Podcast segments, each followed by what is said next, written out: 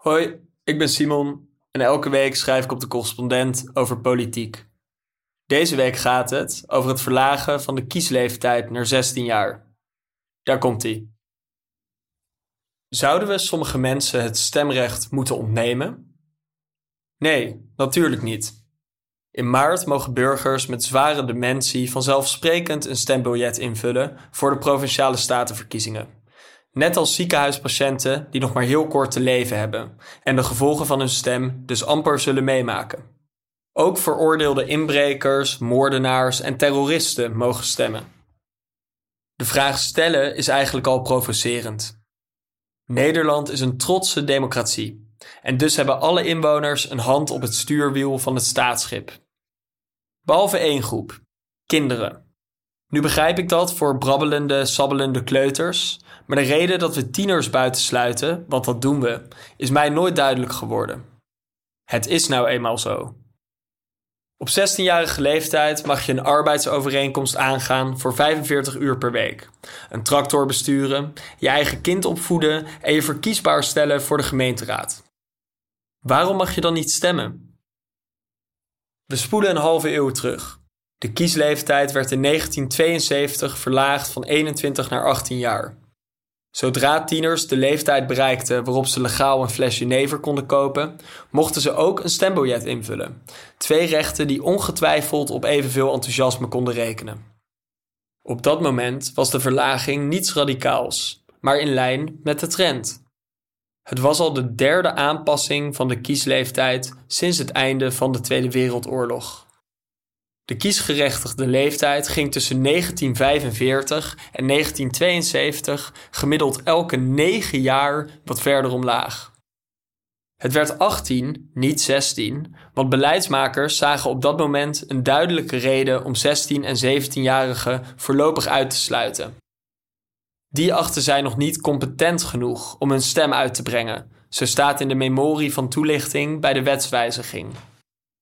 Toch lag het voor de hand dat het een kwestie van tijd was voordat 16- en 17-jarigen ook mochten stemmen. In de Tweede Kamer speculeerde een jonge Hans Wiegel bij het bespreken van de verlaging naar 18 jaar over de volgende stap. De 21 jaar die het nu is, is geen eindpunt. De 18 jaar die het gaat worden, is dat voor mij ook niet. Ik zou mij best kunnen voorstellen dat over enige tijd, hoe lang dat duurt is niet te zeggen, iedereen het erover eens is dat wij best naar 16 jaar terug zouden kunnen gaan. Inmiddels zijn we 50 jaar verder. Zijn volksvertegenwoordigers die kiesleeftijd simpelweg vergeten? Nee. Eind jaren 70 trachtte Fred van der Spek van de PSP al verder te gaan, maar zijn voorstel werd afgewezen. In 1980 was André van S aan zet, maar ook haar poging mislukte. Veel later pas, in 1998 en 2002, zette D66 en GroenLinks het verlagen van de kiesleeftijd in hun partijprogramma's. Maar ook die voorstellen verdwenen gauw weer onder in de la. Daarna bleef het jaren stil. Tot 2019, toen politicoloog Sarah de Lange als lid van de Raad voor het Openbaar Bestuur een adviesrapport schreef waarin alle argumenten gewikt en gewogen werden. Haar eenduidige conclusie was: het is een goed idee om 16- en 17-jarigen stemrecht te geven. Dat begint bij vertegenwoordiging. Ondanks dat 18-minners geen stemrecht hebben, wordt hun leven net zo sterk beïnvloed door politieke beslissingen als dat van mensen met stemrecht. Van het herinvoeren van de basisbeurs tot het toestaan van de wildgroei aan privéonderwijs. Sterker nog, veel beleid raakt hen harder omdat zij nog langer met de gevolgen ervan moeten leven. Wat Den Haag beslist over de snelheid van de energietransitie, het tijdig reguleren van kunstmatige intelligentie of het verbeteren van het treinnetwerk, zal het leven van de 16-jarige meer veranderen dan dat van haar grootouders. Toch is het Herman van 89 die erover mag meebeslissen en Roos van 17 die genegeerd wordt. Veel 18-minners dragen al bij aan de staatskas. De arbeidsmarkt heeft horecapersoneel, krantenbezorgers en kassamedewerkers nodig. En veel tieners nemen die taken op zich tegen een hongerloontje. De helft van de middelbare scholieren boven de 15 jaar heeft een bijbaan. En er zijn duizenden 16 en 17-jarigen die al fulltime werken. Zij betalen niet alleen loonheffing, maar ook belasting over consumptie via BTW. Vervolgens hebben ze dus geen inspraak over wat er met dat geld gebeurt. No taxation without representation, zou je kunnen zeggen. Ook kan stemmen als tiener de kans vergroten dat tieners later in hun leven naar de stembus gaan en beschermt het zo de werking van onze democratie. Niet voor niets heet het adviesrapport van De Lange Jong geleerd, oud gedaan. Bovendien maakt jong stemmen het makkelijker om politieke betrokkenheid te stimuleren op school. Burgerschapsonderwijs is inmiddels verplicht op middelbare scholen, waar tieners gedwongen aanhoren hoe ze een goede burger moeten zijn, zonder dat we hen die taak ook laten uitoefenen. Tegenover al die baten staat dat ene bezwaar uit 1972. Tieners zouden niet competent genoeg zijn om te stemmen. En er zijn ongetwijfeld mensen die vandaag nog steeds vinden dat 16 en 17-jarigen te weinig weten over migratiebeleid, belastinghervormingen of de oorlog in Oekraïne om volksvertegenwoordigers te kiezen. Maar het bewijs is beperkt. Niet alleen zijn de verschillen in politieke volwassenheid tussen 16 en 18-jarigen klein, maar ze kunnen ook verdwijnen door het verlagen van de kiesleeftijd, schrijft De Lange.